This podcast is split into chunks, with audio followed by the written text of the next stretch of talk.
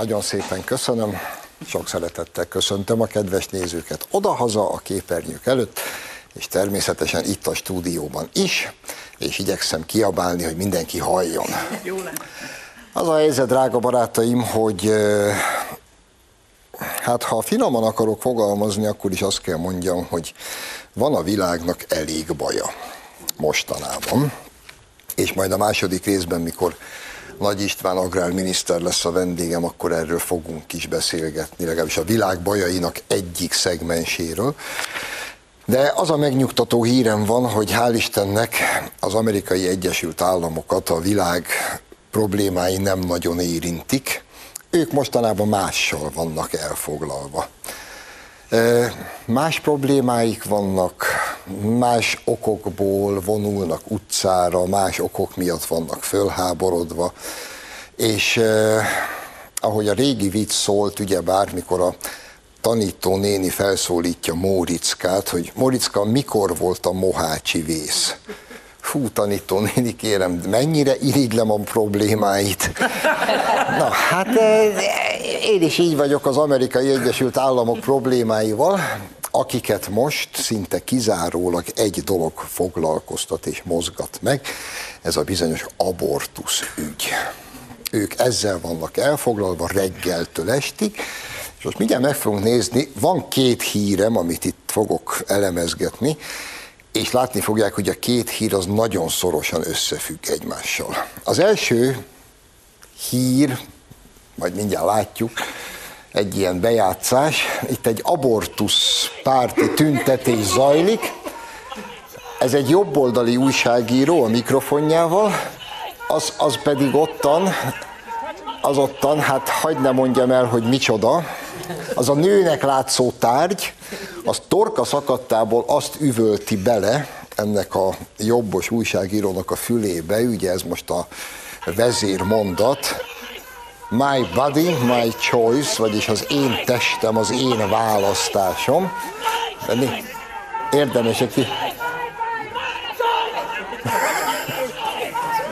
Hát korunk egyik hőse, amíg lesz szó korunk hőseiről, de hát ő az egyik. Na, ez ugye a kiinduló pontunk, hogy lássuk, hogy na ők. És akkor ezzel legalábbis szerintem szorosan összefügg a másik hír, azt felolvasom, mert nagyon fontos. Tehát ezek, figyú, szexsztrájkot hirdettek az abortuszpárti nők. Szerintük a nemi életre vonatkozó sztrájknak a házas társakra is ki kell terjednie. És tudják, hogy miért gondolom, hogy a két hír szorosan összefügg, és most elsősorban férfi kollégáimra nézek, mert ha ezek hirdetnek szexsztrájkot, magyarul nem hajlandók többet lefeküdni velünk, akkor erre annyit tudok mondani, hogy igen, meg vagyunk mentve, emberek. Végre fellélegezhetünk, nagyjából minden rendbe, mert ugye el tudom képzelni ezt a kis üvöltözőst, aki torka szagja, my joy, my body. Hú, ezzel lefeküdni. Úgyhogy az a helyzet, hogy ameddig ők sztrájkolnak, addig nagyjából minden rendben is van. Irigylem most az amerikai férfiakat.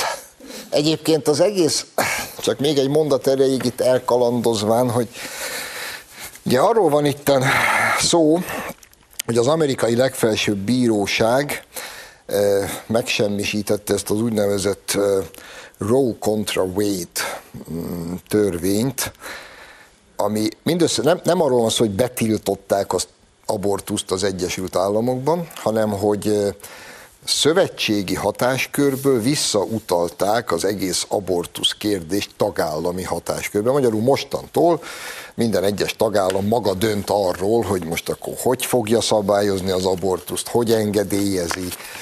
Hány hónapos korig lehet elvenni a magzatot, milyen körülmények között, vagy milyen indokok, stb. stb. Na ezt nem bírja az amerikai társadalom megemészteni, meg úgy általában a nyugati társadalom, mert a nyugati társadalom egy dologban a legjobb egyébként önsorsrontásban és abortuszban, ebben élen járunk, és ezért zajlik ez a egyre hevesebb tiltakozási hullám. Én pedig egy, do- tehát egy, valamit tisztázzunk. Én nem hiszek a teljes abortusz tilalomban.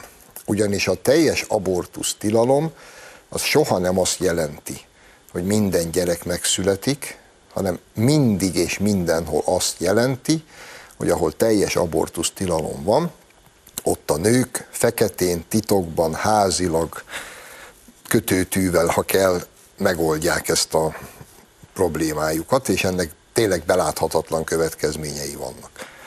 Tehát én nem hiszek a teljes abortusz tilalomban. Ugye szokták volt mondogatni, és szerintem ez igaz, hogy egy nő két dolog miatt képes bármire. Hogy ne legyen gyereke, meg hogy legyen. És ebben a szép felvilágosult nyugati világban az a csodálatos, hogy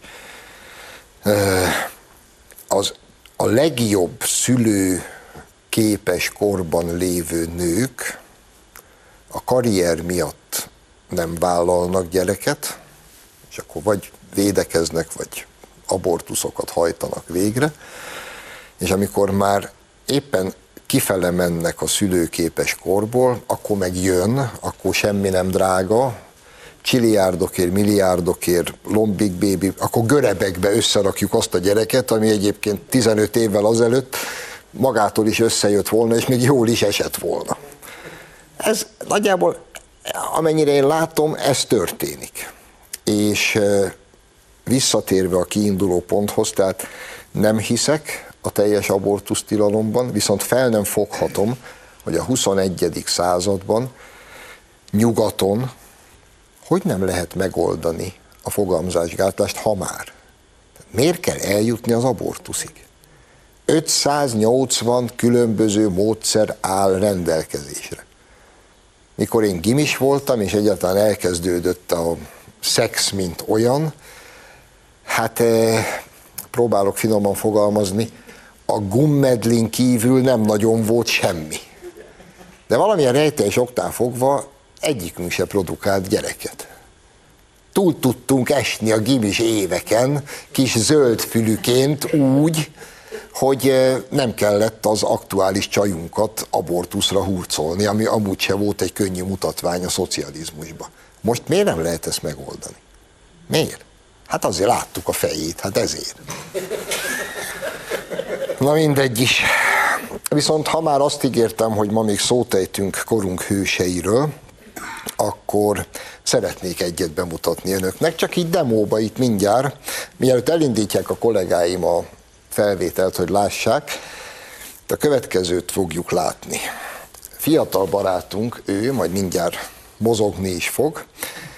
Az a problémája, hogy a Facebook vagy a TikTok vagy mindkettő olyan emojikat használ, amin hús vagy hústermékek vannak, és ő vegán. Hallgassátok, és ezen olyan jó lenne, lenne hangja. offensive to me and it's triggering to people like me who are vegan and it's so triggering and I don't know why they don't take them off the iPhone because they're so triggering. They are so triggering. And those Nem jó. honestly should be illegal. I've Na most, drágáim, tehát.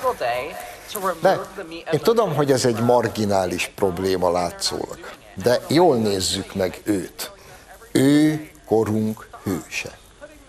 Ugye egy kicsit visszakalandozunk a saját gyermekkorunkba, hát mondjuk alaphangon a mi hőseink kik voltak? Dobó Istvánok, Bornemissza Gergelyek, Zrínyi, Robin Hoodok, Vinettuk, de jöjjünk megint, mondjuk a kis bicebóca, nem?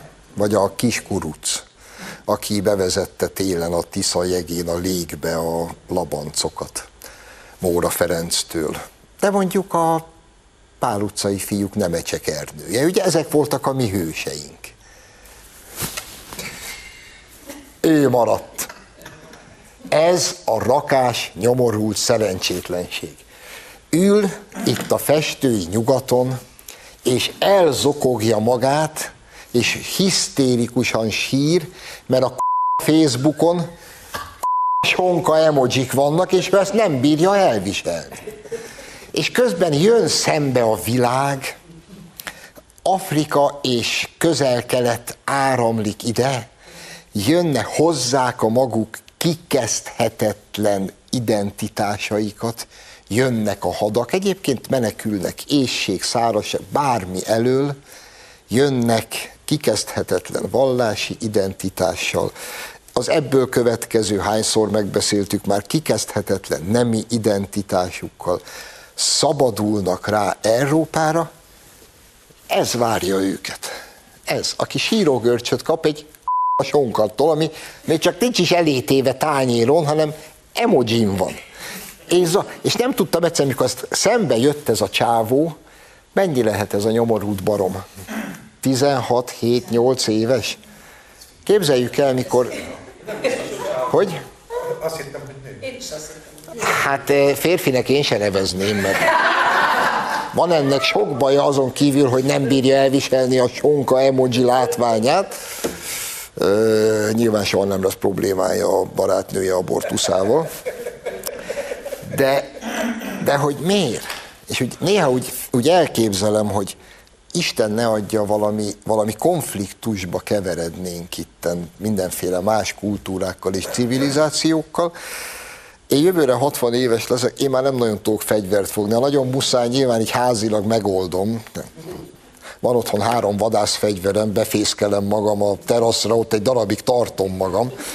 De ugye reguláris hadseregben engem már nem fognak elvinni. És őt, tehát én speciál most ő rá vagyok bízva, hogy ő majd engem med, megvéd, ha kitör itt az rí. Hú, de megnyugtató. Édes, drága jó Istenem. És ne, ne, újra és újra kiukadunk minden héten ugyan oda. Római szín, emberek, római szín. És jön, jön az apostol, és azt mondja, el fogsz pusztulni, nyomorult gyáva nemzedék. Hát ennél eklatánsabb példája a nyomorult gyáva, hogy egy ilyen bajereset is mondják, ez a szarába szakadt nemzedék, hát itt van, Ollé, ő képviseli. Nem tudom ki ez, nem tudom melyik országba él, de hogy nem bíznék rá egy használt koton se, az biztos. És ebből egyébként ő nyilván óriási karriert fog befutni, hogy elsírta magát az emojikon. Na de miért csodálkozunk ezen, hogy ő, korunk hőse, amikor ugye van az Egyesült Államoknak egy elnöke, egy ilyen örökzöld kis téma nekünk, aki egy mégiscsak egy rogyadozó, összeomló félbe lévő úgy megtetszett most ezt, akkor újra elismétlem, ilyen saját szarába szakadt világbirodalom, de mégiscsak világbirodalomnak az első embere. Na most újfent előkerült valami a minap az Egyesült Államok elnökéről, tehát hogy hol tart a csávó. Ő gyakorlatilag egy kesztyűbáb. Ugye már megszoktuk, időnként a láthatatlan emberrel összefut eltéved a saját kertjébe, nem tudja, hogy hol van. Na most kiszúrta valamelyik tévétársaság, valami konferencián ül a barátunk, ott a kezében a kis kártya, azt hinni az ember ilyen vázlat. Tudjátok, mi van ráírva arra a kártyára? Amit a saját munkatársak nyilván felkészítik ezekre az alkalmakra. A következőt írták rá, mert hogy ugye megfordította és el lehetett olvasni, így szól, figyelj, belépsz a Roosevelt terembe, köszönsz a jelenlévőknek, majd leülsz a helyedre, és röviden beszélsz. Ezt egy kártyára fölírják ma az Egyesült Államok elnökének. Tehát megismétlem, jó?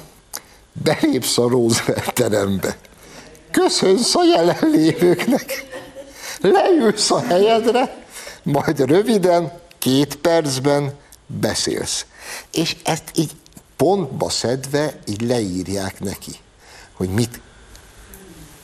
És így el, azért ennek az országnak valaha, hát édes Isten, mondjuk egy John Fitzgerald Kennedy is volt itt elnök, hogy most ne kalandozzak vissza mondjuk Washingtonig, vagy Lincolnig, egy, egy John Fitzgerald Kennedy, akit aztán le is lőttek, értem én, de hát azért nem. De mondjuk volt egy Ronald Reagan is, nem. De hát, hát, hát volt egy Obama, hát annak se kellett odaírni, hogy tesó, köszönsz, ha bemész, és aztán, aztán leülsz. Biden bácsinak odaírják, mert ő ezt tudja. Hát nincs abban az állapotban, hogy, hogy magától leüljön. Kell még valamit mondanom, Ildikó? Nem mennyire szorosan összefügg az iménti kis barátunkkal, aki a sonka emojitól síró görcsöt kap? Ez lett a nyugati világ. És ha már itt tartunk, akkor csak a saját jó érzésem véget. Muszáj a Ryanairről egy kicsit beszélgetnem, mert lassan első számú kedvencemmé lép elő a ír fapados légitársaság. A minap az történt, hogy egy utas fölszállt, egy magyar fölszállt Ferihegyen a Ryanair gépre, majd kisvártatva levitték a gépről. Érvényes jegye volt, beszállókártyája, mindene volt, mégis leszállították, ugyanis a Ryanair azt játsza, hogy több jegyet ad el, mint ahány férőhely van. Aztán, ha mindenki eljön, mert ugye van olyan, aki nem lemondja, nem ér oda, lekési, akkor minden rendben. Ha viszont mindenki eljön, akkor valamilyen, nem tudom, ilyen lutri, vagy bedobják a neveket egy kalapba, és kihúznak valakit, és akkor valakit leszállítanak. És nem érdekes, hogy van jegyed, beszállókártya, mindened. Le vagy te szarva. Majd megoldod. És ez történt, és ez az ember, akit leszállítottak, ez meg is szólva, elmondta, Horváth Péter vagyok, a tegnapi Budapest-Majorka járatról leszállítottak, mert hogy engem sorsoltak ki, és akkor leírja, hogy mindezek után mi történt vele, hogy leszállítottak, mindent megígértek neki, hogy itt kap, meg ott, meg átcsekkolják, semmi. Végül saját pénzből két nap alatt 600 európai városon keresztül jutott el a úti céljához, senki a fülebotját nem mozdította, és van ennek a Ryanairnek ugye egy vezetője, nagy barátunk nekünk, aki ide is szokott üzenni, és most eh, hát egy kifejezett eh, liberális kollégámnak a véleményét fogom hagyd ne mindig én mondjam ki, jó? Tehát most következik Hont András, aki elmondja, hogy kicsoda a Ryanair vezetője. Nézzük csak. A Ryanair vezetőjéről beszélünk. Belefér ez a stílus ebben a helyzetben? Szerintem az űrge egy f***. Ezt gondolom erről. Tehát képzeljük azt el, majd kisipolják. képzeljük azt el. Kire gondolsz, a miniszter úrra, vagy a vezér? Nem, a Ryanair-esre. Képzeljük már el azt, hogy egy magyar cég, és tök mindegy, hogy ki van kormányon. Teljesen, csont mindegy. Magyar cég vezetője nyilatkozik Olaszországban. És elkezdi mondani az olasz kormányról az, hogy a, annak az egyik tagja, ráadásul befolyásos tagja, hibbant, idióta, bármi más. Képzeljük el, hogy akkor mi lenne. Meg hogy az egyiket teret adna-e vezető lap ennek ilyen mondatokkal, vagy, vagy mit tudom, milyen keretesbe rakná, és az egészet megpróbálná idézőjelek közé rakni, valahogy el, eltávolítva magától. Képzeljük már el azt, hogy elmegy a londoni Citybe a, a prezi vezetője, és azt mondja, hogy hát kész. Hát e, ez a Johnson, meg a, főleg a pénzügyminisztere, hát, hát, hát, hát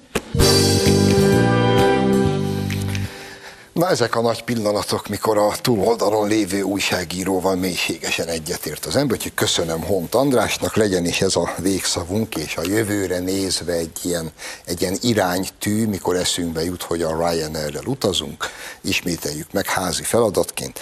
A Ryanair vezetője, Michael O'Reilly, egy Ennél szebben és tökéletesebben nem lehet összefoglalni, úgyhogy kéretik így gondolkodni a cégről, kéretik így jegyet váltani hozzájuk, mindig szem előtt tartva, hogy jegyünk van, de mégse visznek el, vagy elvisznek, de nem hoznak haza. Tehát ez mindig benne van a pakliban. Most tartunk egy rövid szünetet, és a második részben Nagy István agrárminiszter lesz a vendégünk.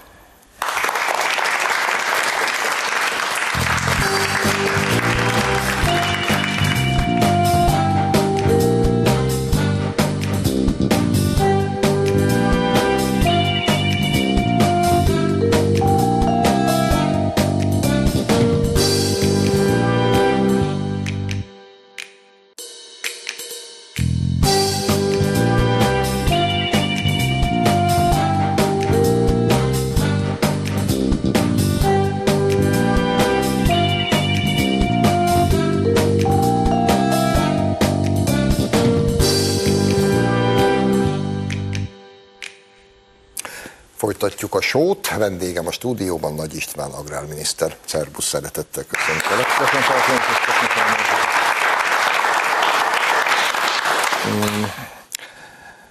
Hazai helyzettel kezdjük, jó? Én napokban egy, talán a Kossuth Rádión hallgattam egy beszélgetést, ami elég riasztó volt Ugye Péter Pálkor elkezdődött az aratás, és arról szólt a történet, hogy a Tiszán túlon ott valami egészen megdöbbentően alacsonyak a hektáronkénti hozamok, mondjuk akár a tavalyihoz képest, és azt mondták, hogy még a Dunántúlon itt-ott esett némi esély, ott talán jobb lesz, de hogy a Tiszán túl az drámai. Akkor nézzük meg először a számok tükrében, hogy hogy állunk mondjuk búzában és kukoricában. Össze kell vetni mindenképpen, és különbséget kell tenni az ország két része között, hiszen Dunántúlon időben és mondhatjuk megfelelő mennyiségű csapadék is érkezett, tehát a termés eredmények és a termés átlagok is pontosan rendben vannak. Ugyanakkor az Alföld főleg déli része, Békés, Csongrád, Csanád, Jász Szolnok, ott nagyon komoly terméskiesések vannak körülbelül azzal lehet kalkulálni, hogy 30-40 százalékkal kevesebbet tudnak aratni egy hektár árpáról, hiszen az árpának az aratása fejeződött be igazából, a búza meg megkezdődött. Ez bizony nagyon komoly intőjel számunkra. Nem arról történik, hogy szépen érzékeljük az éghajlatváltozást, hanem fogalmazhatunk, hogy teljesen ránk rúgta az ajtót. Olyan helyzetet idézett elő, amióta én élek, ilyen aszályos esztendőnk nem volt. És az, hogy az ország így ketté szakad, és kifejezetten a Dunántúl, az Alföld déli részét érinti, ez valami hihetetlen nehézségeket idéz elő. Hagy mondjam a nehézségekben a jó hírt. A jó hír az az, hogy mindezek ellenére Magyarországnak elegendő mennyiségű gabonája termett és remélem, hogy szépen be is fogjuk tudni takarítani. Úgyhogy azt a legszebb mondatot, amit egy agrárminiszter mondhat, hogy az ország kenyere biztosított, azt nyugodtan mondhatom, mert valóban így van. Az exportra szánt mennyiség lesz majd kevesebb. Amit most aggaszt bennünket a nehéz időjárási helyzetben is az, hogy az elkövetkező tíz napban lesz-e csapadék. Mert itt már nem a árpa, repce és a búza kérdésköre van veszélyben, hiszen ott látjuk a kisebb terméscsökkentést, hiszen nem volt eső, a virágzáskor sem, ezért kevesebb kötődött, aztán nagyon hirtelen jött a meleg, ezért nem is tudtak kifejlődni a magok, töpörödött lett, megsült, mondja a szakzsargon, de ami a hiányzó esőből fog következni a későbbiekben, az a kukorica és a napraforgónak a rendkívüli súlyos kártétele. Hiszen térdigér, kényszervirágzásban van, de ha nem kap csapadékot, akkor gyakorlatilag nem fog termést hozni. A kukorica pedig zölden szárad meg, ezt értsék úgy a nézők, ahogy mondom. Van erre is egy szakszó, furujázik a kukorica, tehát összepöndöríti a leveleit, próbál túlélni, próbál védekezni a hőség ellen, de rendkívüli szárazság van, és rendkívül intenzív napsugárzás van. E kettő együtt teljességgel nehezíti a növények életét, és ha nem érkezik csapadék, akkor valóban kukoricából és napraforgóból, főleg az Alföld területén katasztrofális termésmennyiségnek nézünk. Egy gyors kérdés ennek kapcsán, hogy az érintett gazdák, akkor ezek szerint főleg a délalföldön, akiket nyilván ebből következően iszonyatos kárért számíthatnak valamiféle segítségre? Igen, természetesen, hiszen Magyarországon egy nagyon fejlett kárenyhítési rendszer van. Európában egyedülálló, mert négy pilléres, és ebbe természetesen az aszá is beletartozik. A gazdák ezt tudják, szeptember 30-áig kell bejelentsék az ő aszálykáraikat, akkor mi ezt összesítjük, és gyakorlatilag onnantól kezdve majd megindul ennek az aszálykárnak a kifizetése a gazdák számára. A nehézséget az okozza, hogy oly mértékű, hiszen ha egy példát hagy mondjak erre, egészen mondjuk tizen, tehát két héttel ezelőttig alig 30 ezer hektárnyi aszálykárral érintett területünk volt, az elmúlt két hétben pedig újabb 200 ezerrel növekedett meg az asszálykáról érintett területek nagysága, tehát jelen pillanatban több mint 230 ezer hektáron érintettek vagyunk asszálykárba, és ha ez így megy tovább, akkor ez természetesen beláthatatlan módon fokozódik, és ez bizony nagyon-nagyon megvégnyitja azt a pénzösszeget, azt a kasszát, ami rendelkezésre áll. Valószínűleg mennünk kell majd a kormányra szeptemberbe, és próbálni új forrásokat, plusz forrásokat keresni ennek a feltöltésére.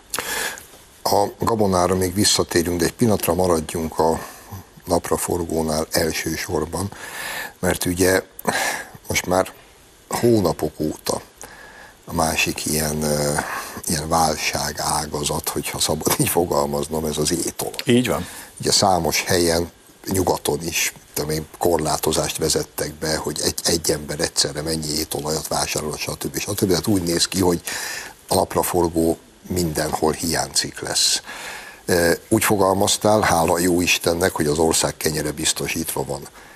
Biztosítva van az ország étolaja, teszem föl ilyen hülyén a kérdést, és ha nem, saját forrásból nem, akkor van egyáltalán remény arra, hogy ezt valahonnan tudjuk pótolni. Az étolajnál is nyugodtan fogalmazhatok úgy, hogy biztosított mindenki számára az a szükséglet, ami Magyarországon helyben kell. Az étolajválság azért van, mert Ukrajnába terem a világ össznapraforgó termésének 40%-a.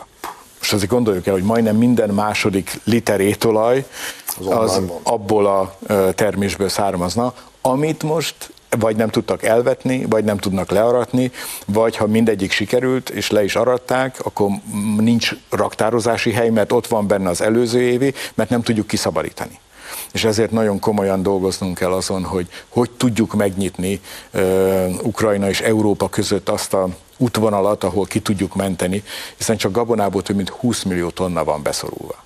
Tehát muszáj lenne kihozni, hiszen az nagyon komoly problémákat vet föl szerte a világban, hogyha ez a gabona hiányozni fog. És az étolaj pedig ezért van kihegyezve, mert annyira egyedül Ukrajnára épített a világ, hogy szinte minden második liternyi étolaj az az ukrán termésből származott. Erre majd még visszatérünk itt a világhelyzet kapcsán is, de egy picit visszatérve Magyarországra.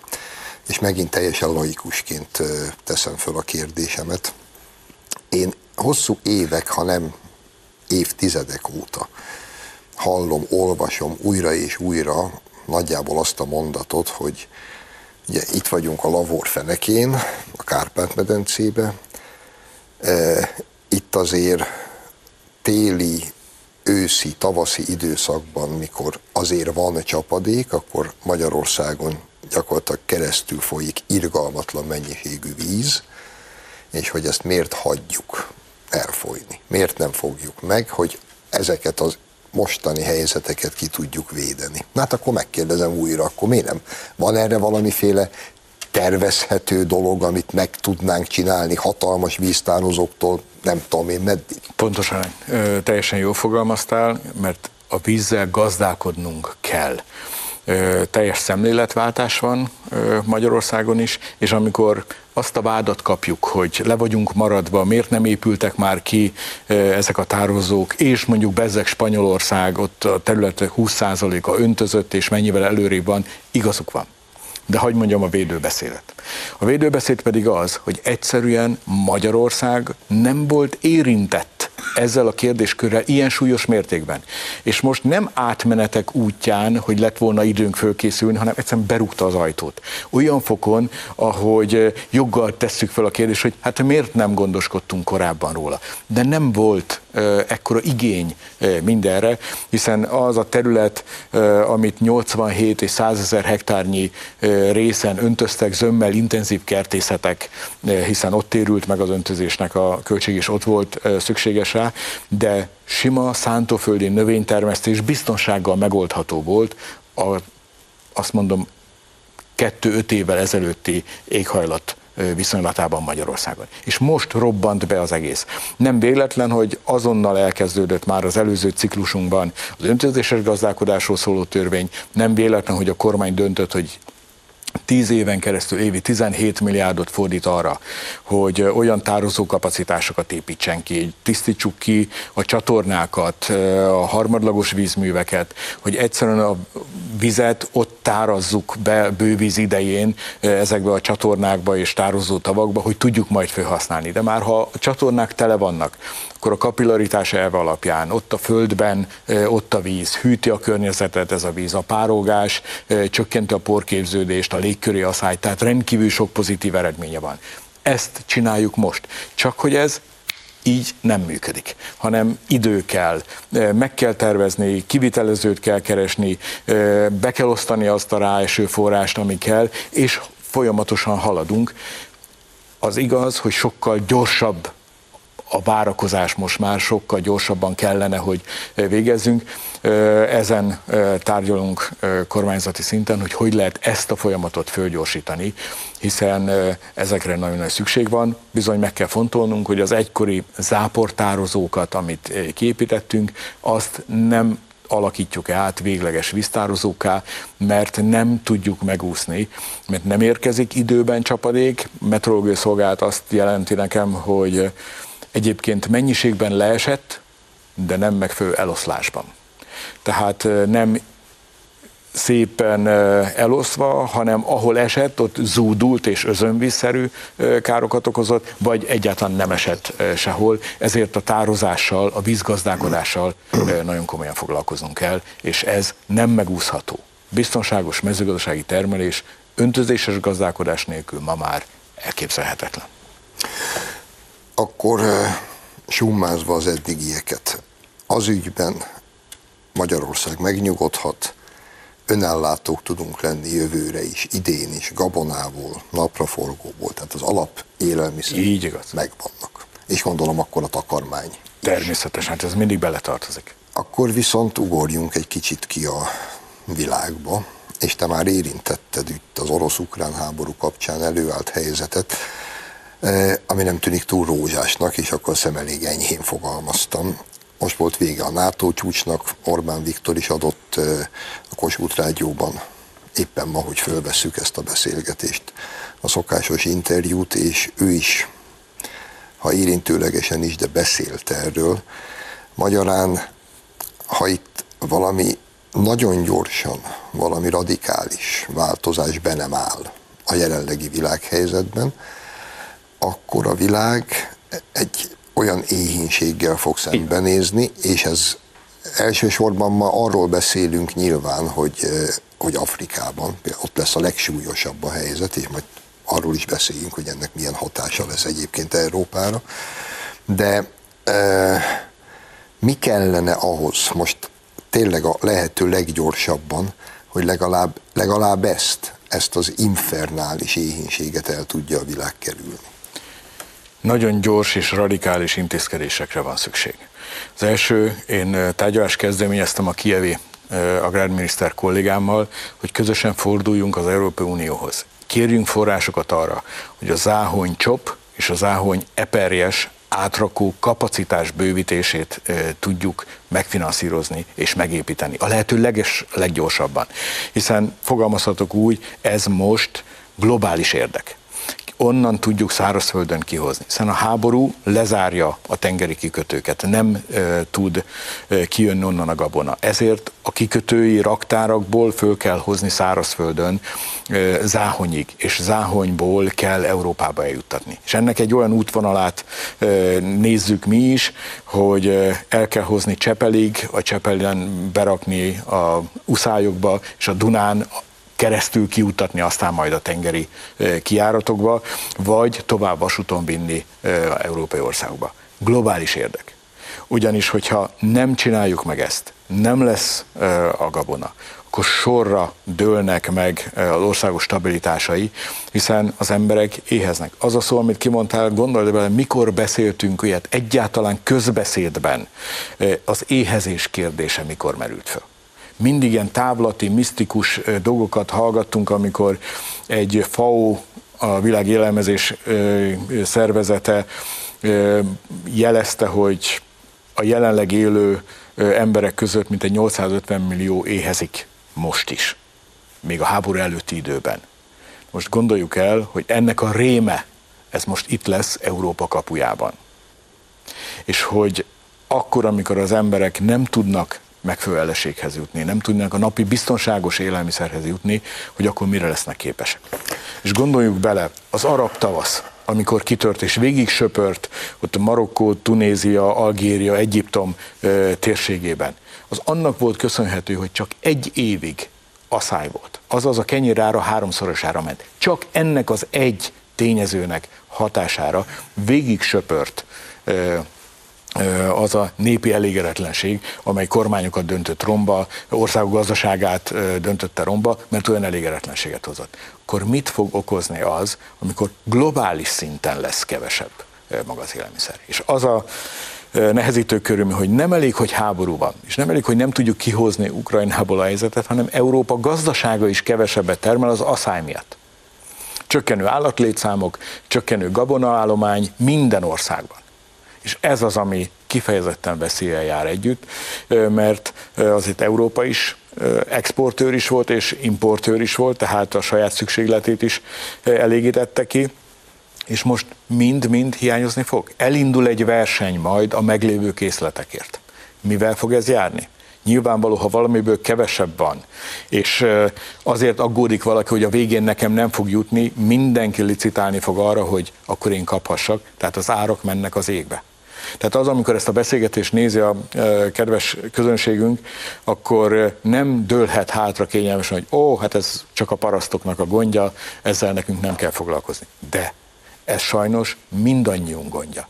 Mert az, hogy mennyibe kerül a kenyér, mennyibe kerül egy kiló hús, mennyibe kerül az élelmiszer az üzletekben, mind-mind nagyon szorosan összefügg e, egymással, hiszen az, ha valamiből kevesebb van, és valamiért versenyezni kell, akkor természetesen, hogy ez zajlik. Látjuk gyümölcsöknél, ha egy fagy elviszi a sárga barackot, akkor természetesen kevesebb van benne, magasabb az ára. De itt begyűrűzik az energiaköltségeknek a növekedése, begyűrűzik a munkaerő hiánya, vagy a munkaerőnek a drágasága.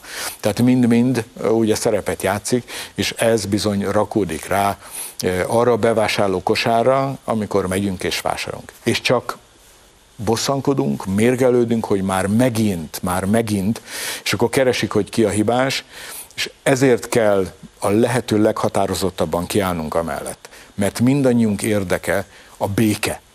Addig még nem lesz béke, addig ennek a réme mindig ott fog velünk és a fejünk fölött lenni.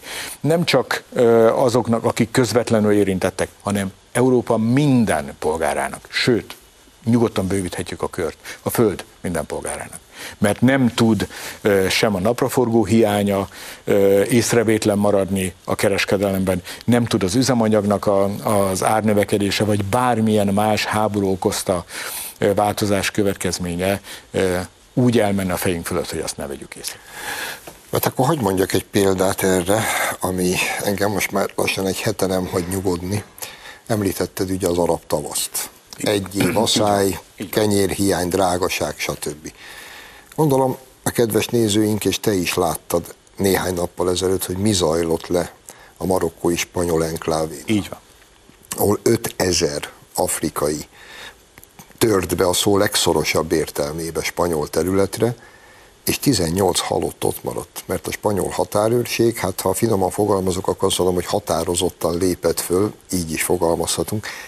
Ilyen még nem volt. 18 ember belehalt ebbe az összecsapásba. De akkor hagyd Infernál, és, és hogyha éhezni fog fél Akkor Afrika. nem 5000 ember fog hát. jönni, hanem százezrek és milliók fognak jönni.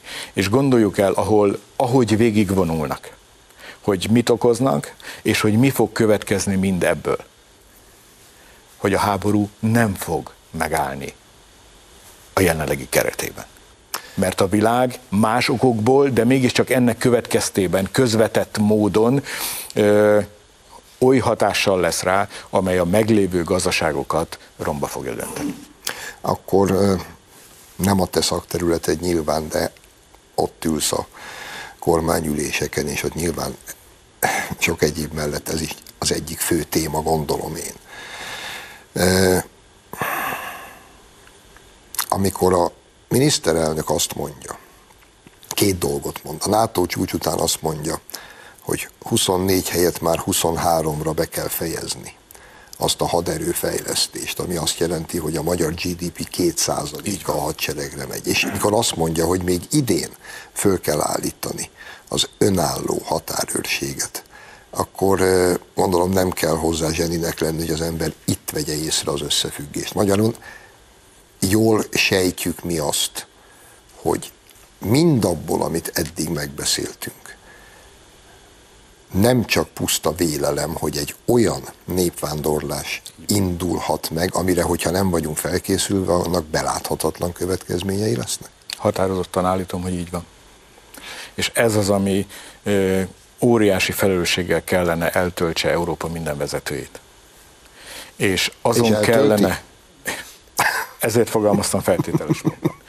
De az embernek szorul a szíve, és tényleg azt kell mondanom, hogy meg kellene előzzük a sokkal nagyobb bajt, mint ami még eddig lehet. Hogy ne legyen ebből globális térfélre kiterjedő összeomlás. Mert ha nincs élelmiszer, az éjség nagy úr, és az éjség sok minden alól mentességet ad. És ennek lesznek beláthatatlan következmény is. Ezért mondjuk mindig, és annyira várnám már, és annyira szeretném, hogyha az Európa vezetői egységesen a maguk erejénél fogva kiállnának mind a 27-en, és azt nyilatkoznák, hogy a békében vagyunk érdekeltek, és a háborús feleket tárgyalóasztalhoz kényszerítenék. Hiszen megtehetnék, van akkora erejük, hogy azt mondanánk mind a két félnek, hogy tessék leülni és tárgyalni a békéről, hogy mi a tűzszünetnek az ára. Mert egyébként minnyáján beláthatatlan módon fogjuk megfizetni ennek a mondatnak a hiányát és ennek a tettnek a hiányát. Tudod István, most kezdődhetne el a beszélgetésünk második része, ha lenne rá időnk, de én mondom az árszót. Igen, ez a racionális és a normális magatartás lenne.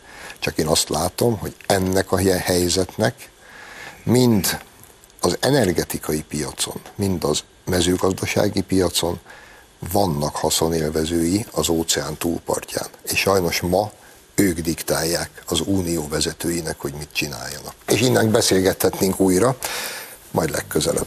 Köszönöm szépen, hogy itt voltál. Önöknek köszönjük a megtisztelő figyelmet. Jövő héten a szokott időben még várom önöket. Az utolsó adás lesz a nyári szünet előtt. Addig is minden jót, viszontlátásra!